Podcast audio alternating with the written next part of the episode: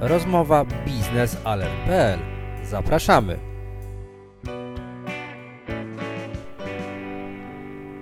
Rozmowa biznesalert.pl. Bartłomiej Sawicki. Witamy Państwa w kolejnym wydaniu naszego podcastu. Tym razem porozmawiamy o tym, co dzieje się za naszymi oknami.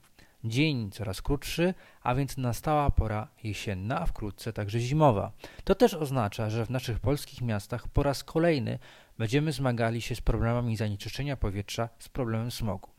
I właśnie o rządowym programie walki ze smogiem, o programie Czyste Powietrze, możliwych zmianach w tym programie, a także o programie Mój Prąd, a więc dotacjach do domowych źródeł wytwarzania, dotacjach do fotowoltaiki, rozmawialiśmy z Piotrem Woźnym, prezesem Narodowego Funduszu Ochrony Środowiska i Gospodarki Wodnej, a także pełnomocnikiem rządu do spraw smogu. Panie prezesie, mamy 3-4 lata po rozpoczęciu walki ze smogiem obecnego rządu e, i wydaje się, że po tym okresie mamy pierwsze efekty. E, Kraków, e, z Krakowa wyeliminowano wszystkie kopciuchy, wszystkie i jest zakaz palenia węglem. Widać to na pomiarach, że faktycznie jest lepiej, nie idealnie, ale jest lepiej. Pytanie, czyja to jest zasługa? Władz centralnych, czy może jednak samorządowych? Mm, Odpowiedź na to pytanie według mnie yy, ten sukces, największa zasługa w tym sukcesie to sukces yy, krakowskiego alarmu smogowego. To jest determinacja tych ludzi, którzy w 2012 roku wyszli na ulicę Krakowa w siwym marszu, którzy zmusili zarówno władze Krakowa, jak i władze samorządu województwa do działania. To, są, to jest sukces ludzi, którzy doprowadzili do tego, że w 2015 roku mm, dzięki poselskiej inicjatywie została uchwalona nowelizacja prawa ochrony środowiska. To chyba jedna z pierwszych ustaw, które podpisał prezydent Andrzej Duda. E, I e, ta ustawa spowodowała, że można było wydać e, uchwałę antysmogową dla Małopolski. Tutaj warto przypomnieć, że, że są dwie uchwały antysmogowe dla Małopolski. Jedna z nich dotyczy obszaru całego województwa, a druga dotyczy tylko i wyłącznie Krakowa. Przyjęta w styczniu 2017 roku i ta uchwała przewidziała, przewidywała, że z dniem 1 września 2019 w Krakowie wprowadzony zostanie zakaz stosowania paliw stałych i paliw stałych dla potrzeb ogrzewania mieszkań. No i teraz na pewno, na pewno na ten sukces też zapracowały władze Krakowa, które, które przez te 2,5 roku realizowały program wymiany przestarzałych kotłów, czy tego w ogóle całego ogrzewnictwa na paliwa stałe. Pomagały się przystosować do tego mieszkańcom. No tak, ja bardzo się cieszę z tego, z tego że to się wydarzyło. Władze centralne pewnie też ja też miałem okazję na zaproszenie krakowskiego alarmu smogowego kilka razy, czy to spotykać się na przykład z szefem Miejskiego Ośrodka Pomocy Społecznej, organizować spotkania pomiędzy Pegnig-iem a Miejskim Ośrodkiem Pomocy Społecznej w Krakowie po to, żeby przyspieszyć proces wymiany pieców u tych najmniej zamożnych osób, tych właśnie podopiecznych Miejskiego Ośrodka Pomocy Społecznej. Także pewnie ileś instytucji i to rządowych i samorządowych nad tym pracowało. Tak jak mówię, największa zasługa, nie mam co do tego żadnej wątpliwości, aktywiści krakowskiego alarmu smogowego. To dzięki nim te zielone kropki na mapie się pojawiły. Dla mnie Kraków stał się takim rodzajem żywego laboratorium wielkiego badawczego, bo bo po pierwsze myślę, że to jest tak, że ten ruch antysmogowy i w ogóle to wszystko, co się dzieje, potrzebował takiego sukcesu, potrzebował takiej wizualizacji właśnie na mapach, że jak się realizuje konsekwentnie przez jakiś czas działania, to przynoszą, są przyniesione efekty. Ja miałem okazję odwiedzić Kraków właśnie kilka tygodni temu, kiedy, kiedy zaczął się już sezon grzewczy. I no, e, taksówkarze, z którymi rozmawiałem, nie wiem, e, ludzie w restauracjach, no po prostu wszyscy rozmawiali o zielonych kropkach na mapie. Było widać, że dla tych ludzi to jest po prostu jakiś, jakaś, jakaś gigantyczna odmiana. Co więcej, w Krakowie teraz bardzo ciekawa dyskusja zaczyna się odbywać na temat obwarzanka krakowskiego, no bo już na mapach widać, że w Krakowie zielone kropki, w obwarzanku czerwono i fioletowo. I to uruchamia nam w ogóle taką dyskusję na temat tego, że no właśnie, coś, co jest oczywiste, że, że smog nie jest punktowo występującym problemem, że to jest problem jakichś aglomeracji, czy problem jakichś, jakichś, jakichś takich układów składających się z kilku czy z kilkunastu miejscowości i, i, i to uruchamia nam wielką dyskusję na temat potrzeby kompleksowego rozwiązywania takich spraw.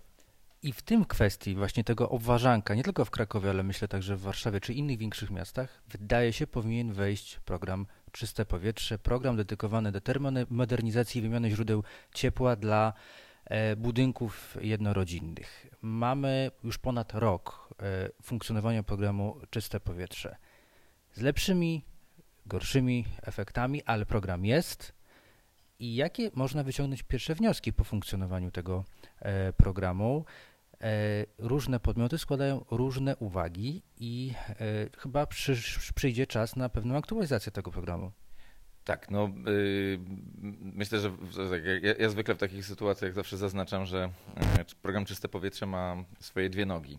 Jedna noga to jest termomodernizacyjna ulga podatkowa, która od 1 stycznia tego roku obowiązuje i to pierwszy raz została wprowadzona taka antysmogowa termomodernizacyjna ulga podatkowa.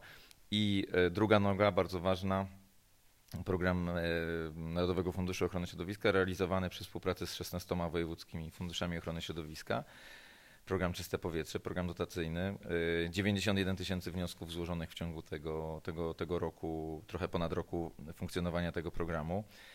I teraz jakie są wnioski? No pewnie wniosek główny jest taki, że yy, znaczy jak, wnioski, wnioski no jeżeli chodzi o wnioski co do ulgi podatkowej, to, to będziemy sobie mogli podsumować 30 kwietnia 2020 roku, bo wtedy będziemy wiedzieli, jaka jest chłonność tej ulgi, ilu Polaków z niej skorzystało, jaka, jaka, jaka wartość środków, jaka, jaka kwota środków publicznych została przetransferowana do, do kieszeni gospodarstw domowych w ramach tej ulgi. Natomiast jeżeli chodzi o wnioski dotyczące programu Czyste Powietrze, to Myślę, że podstawowy wniosek jest taki, że sieć dystrybucji, która jest, ta, te wojewódzkie fundusze ochrony środowiska, no, że to, mm, to, to, to, wiadomo, że to jest za mało. To jest program, który powinien być bardzo blisko, możliwie najbliżej każdego polskiego domu. E, stąd e, mm, uruchomione gdzieś jeszcze chyba w maju czy w czerwcu działania na rzecz tego, żeby podpisywać umowy z samorządami, żeby przybliżać te programy do ludzi. E, drugi bardzo ważny, a druga, a druga rzecz, no to, to, to pewnie moje zadanie, ja, ja pewnie głównie na, dla, dla tych potrzeb zostałem skierowany na odcinek Narodowego Funduszu Ochrony Środowiska, czyli nawiązanie współpracy z sektorem bankowym po to, żeby przy pomocy, mm, przy pomocy sieci bankowej dać możliwość składania wniosków e, do czystego powietrza i powiązać to też z współpracą nad produktami finansowymi z bankami, tak żeby program Czyste Powietrze, który jest programem refundacyjnym, żeby stworzyć do niego e, produkty finansowe, które będą dawały pomostowe finansowanie, tak żeby przeprowadzić inwestycje, a potem zrefundować sobie część poniesionych środków z tych publicznych pieniędzy. No właśnie, wspomniał Pan o kanałach dystrybucji, stąd też między innymi rozmowy z samorządami, uruchomiono pierwsze pilotaże. E, czy tymi pilotażami w następnej fazie będą objęte wszystkie samorządy? Bo na razie to, jest, to są wybrane te, które się zgłosiły. No, y, rzeczywiście tych umów o współpracy jest podpisanych, to jest ponad 500 y, gmin ma już podpisane tę umowę o współpracę. Tylko y, my teraz chcemy przeprowadzić taki bardzo konkretny eksperyment dotyczący samorządów, a mianowicie chcemy sobie wytypować takie dwie gminy. Y, jedna to będzie gmina z Krakowskiego, druga gmina z terenu województwa śląskiego. I chcemy y, mm, przeprowadzić taki, taki, taki rodzaj pilotażu, żeby ten samorząd lokalny we współpracy z firmą, która specjalizuje się właśnie w e, przygotowywaniu wniosków do programu Czyste Powietrze, też specjalizuje się w szkoleniu ludzi czy w informowaniu ich, jakie są możliwości, żeby zrobić taki rodzaj, takie miesięczne, takie miesięczne testy w tych miejscowościach, że angażujemy gminę w proces informowania o tym, że odbywają się takie zebrania, zorganizowanie spotkania w Urzędzie Gminy, pomoc wyspecjalizowanych specjalistów, y, którzy pomagają przygotować i napisać wniosek, bo już takie wnioski przygotowywali i, i, i je wielokrotnie wypełniali. I chcemy doprowadzić do tego, żeby właśnie z, takich z terenów takich małych y, wiejskich gmin y, spłynęły w dwóch pewnie paczkach zagregowane wnioski do programu Czyste Powietrze. Y, chcemy zakończyć to, takie jest nasze oczekiwanie w stosunku do, do firmy, która wygra to, to, ten, ten, y, to zamówienie publiczne. nasze oczekiwanie jest takie, że zakończy się to raportem na temat tego, jak optymalnie organizować właśnie na terenie samorządów terytorialnych ludzi, żeby jak ich informować, jakie informacje ich przekazywać, jak organizować proces przynoszenia dokumentów i, i, wypełniania wniosków. Więc ja myślę, że po tym, po tym pilotażu, czy po, tych, po, tym, po, tym, po tym raporcie bardzo chętnie uruchomię jakąś tam publiczną dyskusję na temat tego, jak powinno wyglądać zaangażowanie samorządów terytorialnych, bo ja, ja, ja zawsze starałem się jakoś konsekwentnie to utrzymuję. To ani rząd, ani samorząd nie rozwiążą same problemu złej jakości powietrza w Polsce. Jest potrzebna współpraca pomiędzy tymi instytucjami. Y, moje doświadczenia ze współpracy z samorządami są takie, że y, tak jak administracja rządowa przez lata nie była przygotowana na skuteczną walkę ze smogiem i tak jak się musiała, nie wiem, nauczyć i zmobilizować do tego, żeby, żeby chociaż poprzejmować te wszystkie regulacje prawne, powdrażać te programy pomocowe, tak uważam, że samorządy też do tej walki kompletnie nie są przygotowane. No po prostu temat y, ochrony środowiska w tych mamy 2477 gmin w Polsce. W wielu, w większości z nich temat ochrony środowiska jest naprawdę traktowany mocno po macoszemu. Po macoszemu. No, nie ma wyspecjalizowanych urzędników, osób, które by się tym zajmowały, więc to jest wielka i myślę, że stąd właśnie ten program Czyste Powietrze no, jest rozpisany na 10 lat, bo to jest, y, żeby to skutecznie tym zarządzić, to musimy się nauczyć tego i, i tutaj jest wielka rola dla, dla urzędników samorządowych, żeby stanowili wsparcie dla, dla, dla polskich gospodarstw domowych. A czy takim wsparciem będą właśnie banki, o które upominała się z tego co wiemy Komisja Europejska, która wskazywała, że warto oprócz samorządów także banki włączyć w system e, składania wniosków, weryfikacji i wreszcie finansowania tego e, procesu. Część z banków składa, nie ukrywajmy, bardzo rewolucyjne pomysły, takie jak zniesienie progów dochodowych, czy same po prostu ograniczenie tych formularzy do wersji tylko i wyłącznie elektronicznej, a nie papierowej. Tak. Y, Komisja, Komisja Europejska y, y, zwracała uwagę na sektor bankowy w Polsce, mówiąc, że, mm, że tak, że no bo Komisja, my w ramach tego, tego całego ćwiczenia związanego z, z walką ze smogiem, no od dwóch lat współpracujemy z Komisją Europejską w ramach tej inicjatywy Catching Up Regions i to celowe, absolutnie świadome działanie, żeby informować na bieżąco Komisję Europejską, Bank Światowy o tym, jakie są postępy, co się dzieje.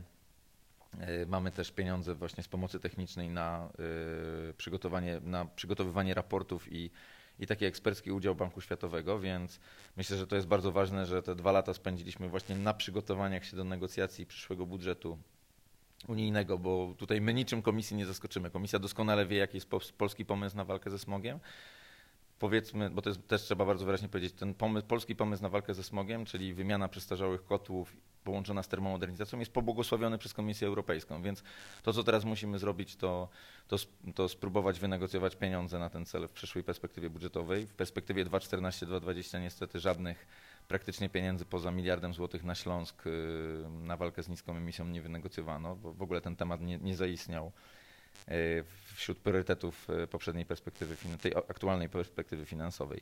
I teraz komisja powiedziała o bankach dlatego, że komisja, komisja mówi tak, chcemy wam pomóc, chcemy wam dać środki europejskie na poprawę jakości powietrza, ale y, musicie stworzyć skuteczny system dystrybucji tych pieniędzy do ludzi, one muszą do nich szybciej i sprawniej trafiać, bo tylko na taki szybki i skuteczny system dystrybucji y, gotowi jesteśmy wam dać pieniądze. Dlatego chcemy do tego wciągnąć sektor bankowy, no bo to są jednak y, tysiące E, punktów obsługi klienta, to są systemy bankowości elektronicznej i one są do tego potrzebne. I teraz moje dwa miesiące rozmów z sektorem bankowym, one, przynios, one przyniosą taką, przynoszą taką, e, bo oczywiście są, rozmawiamy z kilkoma instytucjami bankowymi, natomiast one, one przynoszą taką, główna konkluzja ze strony banków jest taka, Możemy Wam udostępnić za darmo nasze sieci dystrybucji, czyli możecie, możecie, wejść, może, możecie wejść z programem do punktów obsługi, do naszych punktów obsługi klienta, czy damy Wam też dostęp, czy umożliwimy składanie wniosków przy pomocy naszej bankowości elektronicznej, ale musicie nam zagwarantować, że klient, który będzie składał wniosek przez bankowość elektroniczną czy w oddziale banku, on będzie bardzo szybko i sprawnie obsłużony przez wojewódzkie fundusze ochrony środowiska. Nie może być tak, jest to dla banków nieakceptowalne, że wnioski, które są składane w tym programie, no, są długo obsługiwane, nie ma jasnej, precyzyjnej informacji na temat tego, ile będzie trwała obsługa i czy osoba, która złożyła wniosek, czy dostanie dotację i w jakiej wysokości dostanie dotację. No i to wymusza nasze spojrzenie na program Czyste Powietrze w celu jego, no powiedziałbym, bardzo radykalnego uproszczenia.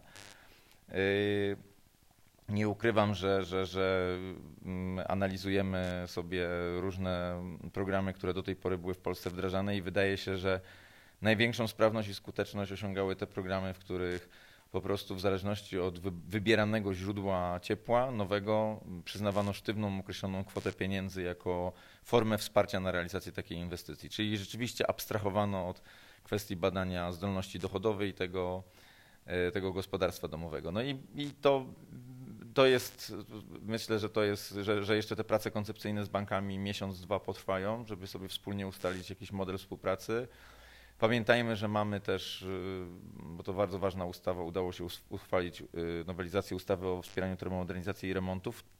Ustawę, która zawiera format współpracy z gminami dla potrzeb obsługi osób ubogich energetycznie, więc to nad czym myślimy, to czy nie było, myślimy nad rozwiązaniem, które mogłoby polegać na tym, żeby przesunąć te grupy, mm, któremu, którym przysługuje najbardziej intensywne wsparcie w programie Czyste Powietrze, do właśnie tej ustawy o wspieraniu remontu, te remontów i termomodernizacji, po to, żeby wrzucić, je, wrzucić te grupy e, dochodowe do gotowego już formatu współpracy pomiędzy rządem i samorządem, takiego formatu współpracy, który przewiduje aktywną rolę gminy w wyszukiwaniu ubogich energetycznie i wspomaganiu ich w procesie termomodernizacji. Porozmawiajmy jeszcze chwileczkę o finansowaniu. E, Program Czyste Powietrze składa się z trzech filarów finansowania. Z jednej strony to są środki własne Narodowego Funduszu Ochrony Środowiska i Gospodarki y, Wodnej, y, środki pochodzące z Komisji Europejskiej, ale z tej nowej perspektywy po roku 2021 i ulga termomodernizacyjna. No i jest pytanie w takim razie, czy Komisja Europejska dołoży się do tego programu po 2021 roku? I drugie pytanie, czy ulga termomodernizacyjna w kolejnych latach zostanie utrzymana? To mm, pamiętajmy, że na dzień dzisiejszy to jest program, który jest w 100% finansowany tylko i wyłącznie ze środków krajowych. My na dzień dzisiejszy nie mamy ani jednego euro środków unijnych w tym programie. Yy, liczę na to, że, że tak, jak, tak jak tutaj sobie właśnie powiedzieliśmy, zarysowaliśmy sobie te, te, te trzy nogi, trzy filary, jeżeli mamy dwa aktywne na dzień dzisiejszy, czyli środki własne Narodowego Funduszu i wojewódzkich funduszy i ulga podatkowa. Yy, no, nie wyobrażam sobie tego, żeby ulga termomodernizacyjna, ulga podatkowa nie została utrzymana w kolejnych latach, bo ona jest, powiedziałbym, jednym właśnie z głównych filarów finansowania tego programu. No poza tym jest mm, ulgi podatkowe, mm, wszyscy wiemy, że ona była wzorowana na tej takiej bardzo znanej polskiej uldze remontowo-budowlanej, która była hitem e, rozliczeń podatkowych w latach 97-2001. Więc ja jestem bardzo spokojny o, o, sprawność korzystania tutaj z tego instrumentu przez, przez Polaków. Wiadomo, że będziemy pewne rzeczy zmieniać, korygować. No, na przykład taką rzeczą, która na pewno będzie musiała ulec zmianie, to, to yy, yy, będziemy chcieli yy, spowodować, żeby z ulgi podatkowej termomodernizacyjnej mogły korzystać tylko te osoby, które będą miały źródło ogrzewania zgodne z lokalnie obowiązującą uchwałą antysmogową. Czyli taką modyfikację wprowadzimy, żeby no ktoś, kto na przykład, nie wiem, instaluje sobie na e, dachu panele fotowoltaiczne i odlicza to od ulgi, korzysta z ulgi podatkowej, no to nie, nie, nie ogrzewał domu jakimś pozaklasowym kopciuchem, który, który jest niezgodny z, z postanowieniami uchwały antysmogowej. Natomiast y, mm, tak, myślę, że, że, że fundusze europejskie to jest ta jedna noga, o którą będziemy zabiegać y, w przyszłej perspektywie finansowej rozpoczynają się dyskusje nad funduszem, nad sposobem zagospodarowania przez Polskę funduszu modernizacyjnego i właśnie w ubiegłym tygodniu wymienialiśmy korespondencję z Ministerstwem Środowiska dotyczącą sposobu zagospodarowania środków z funduszu modernizacyjnego. Nie ukrywam, że Narodowy Fundusz Ochrony Środowiska zgłosił taką propozycję, żeby 33% środków, które Polska będzie miała z funduszu modernizacyjnego, żeby zostało właśnie alokowanych do programu Czyste Powietrze. Czyli jesteśmy na etapie w tej chwili gromadzenia pieniędzy, gromadzenia amunicji na, na program Czyste Powietrze. E, przejdźmy teraz do drugiego programu, e, które nadzoruje i realizuje, współrealizuje e, fundusz. To program Mój Prąd. Program, który zbiera zdecydowanie pozytywne opinie i recenzje. Zresztą widać to po liczbie wniosków. Pojawia się jednak pytanie, bo ten program jest limitowany do dwu, około 200 tysięcy beneficjentów, a cały budżet tego programu to około 1, 1 miliarda złotych. pytanie, czy będzie kolejna edycja tego programu, jak, jeśli ten, jak już ten się wyczerpie i skąd w takim razie wziąć środki na kolejną edycję tego programu, czy właśnie może fundusz modernizacyjny? Yy, mm, tak. Mm, w moim prądzie mm, to program, który wystartował ostatniego dnia sierpnia tego roku, czyli po tych dwóch miesiącach, no, dużo pracy, żeby to, to wszystko rzeczywiście poukładać i dużo pracy nad, nad tym, żeby zapewnić taką wewnętrzną w funduszu obsługę tego programu, żeby właśnie te wszystkie rzeczy E, które były, czy, te, czy zarzuty, które pojawiały się pod programem, pod zarzutem, pod adresem programu Czyste Powietrze, no nie, nie powielić tych, mm, tych, tych kwestii tutaj w tymże programie. E, wczoraj właśnie mieliśmy taki dzień, kiedy e, wypłacone pieniądze i zatwierdzone do wypłaty, czyli przelewy, które możemy zrealizować na rzecz beneficjentów, to, jest, to było 25 milionów złotych, czyli 2,5% tej alokacji, o której pan, pan redaktor powiedział przed chwilą, wczoraj, wczoraj właśnie osiągnęliśmy. Y, czyli zostaje nam jeszcze 975 milionów złotych, więc Polacy zakładajcie panele fotowoltaiczne, przysyłajcie wnioski, szybko będziemy Wam wypłacać po 5 tysięcy złotych za zrealizowanie takiej inwestycji.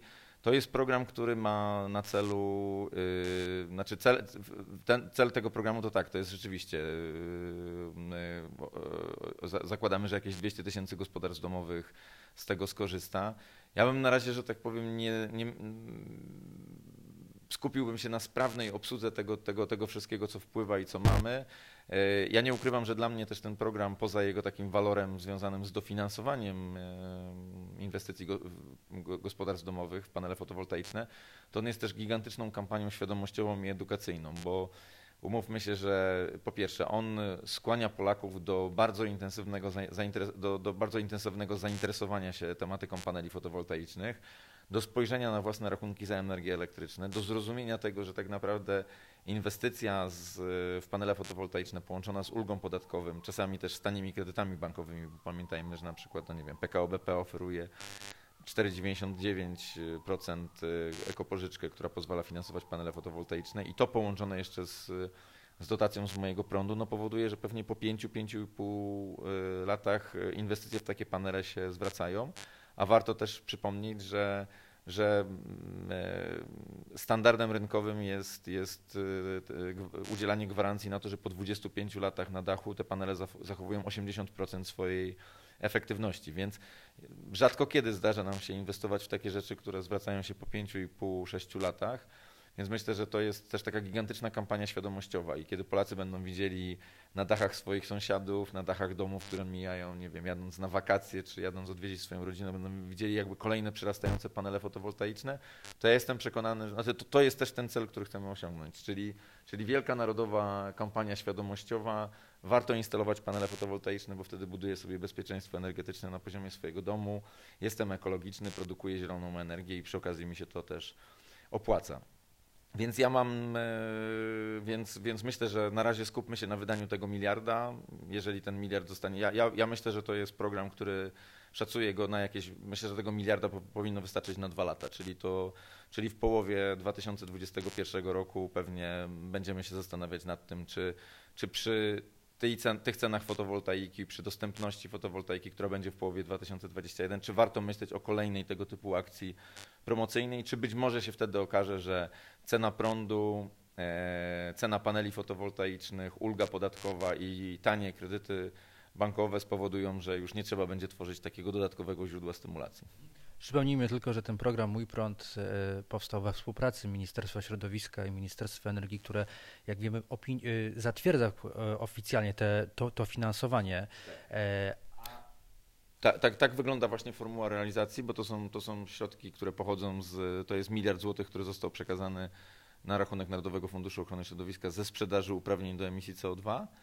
Yy, program zrealizowany właśnie pod, pod, pod, pod egidą ministra środowiska i ministra energii.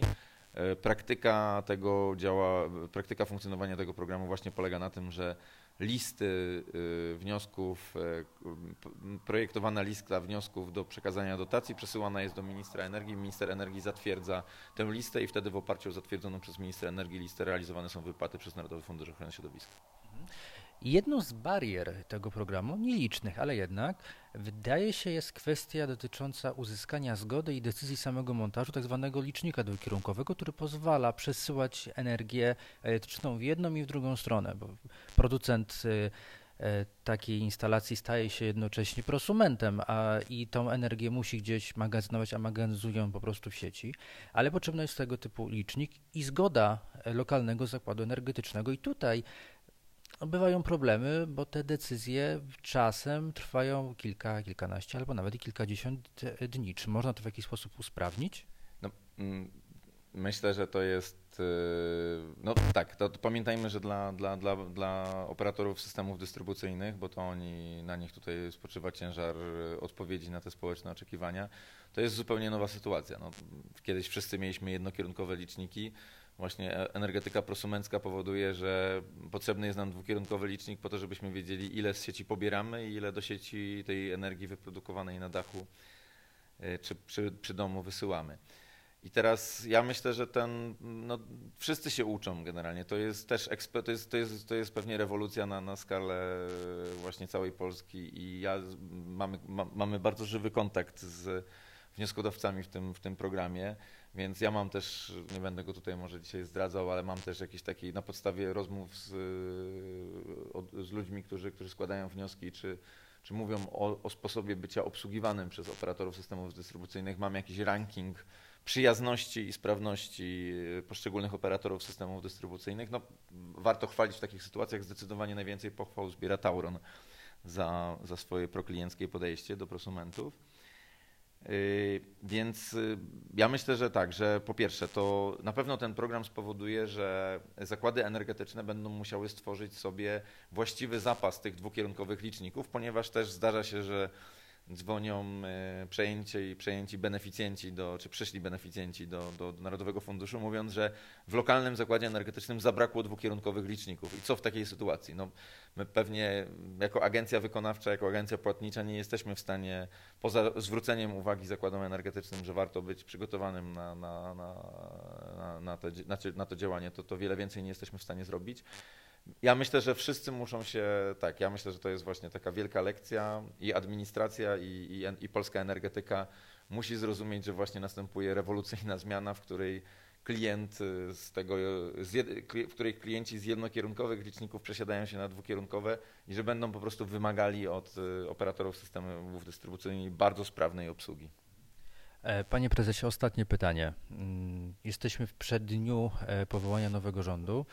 I pojawia się pytanie, czy dotychczasowa funkcja pełnomocnika rządu do spraw smogu zostanie utrzymana, e, czy może y, rząd będzie miał nowy pomysł na realizację tych postulatów e, lub też po prostu utrzymanie tego, tej funkcji? E, pewnie rozmawiamy, a tu właśnie, że tak powiem, te, te kluczowe decyzje w tej chwili między, między liderami Zjednoczonej Prawicy zapadają co do tego, jak będzie wyglądała struktura przyszłego rządu i, i, struktura zadań i kompetencji poszczególnych resortów. E, ja myślę, że te dwa lata, e, dwa lata funkcjonowania tego eksperymentu w postaci pełnomocnika premiera do spraw programu Czyste Powietrze, że ona zdała egzamin, dlatego że e, celem tej, tej aktywności było skoordynowanie czy doprowadzenie do, do, do zwiększenia komunikacji pomiędzy poszczególnymi resortami które realizują zgodnie ze swoimi zadaniami działania na rzecz poprawy jakości powietrza, ale niekoniecznie się widzą nawzajem w tych, w tych działaniach, często myślą o jakimś tam swoim, swoim własnym, nie chcę tego nazwać partykularnym, ale takim indywidualnym, resortowym interesem. Silosowym. No takim silosowym, no to, to, to siła, no tak, tak jest administracja zorganizowana, że mamy działy administracji, mamy poszczególne resorty, które obsługują te działy, więc, więc na pewno pozycja kogoś, kto komunikuje te resorty, kto kto doprowadza do tego, że, że, że, te resort, że te osoby zajmujące się tymi sprawami w poszczególnych resortach wiedzą o, o tych wszystkich inicjatywach, no to jest, to jest bardzo potrzebna funkcja. Więc y, ja myślę, że w takiej czy innej formie e, taka ta instytucja pełnomocnika jako takiego interfejsu spinającego poszczególne resorty, aktywność resortów w dziedzinie poprawy jakości powietrza z całą pewnością zostanie utrzymana. Dziękuję bardzo za rozmowę. Bardzo dziękuję.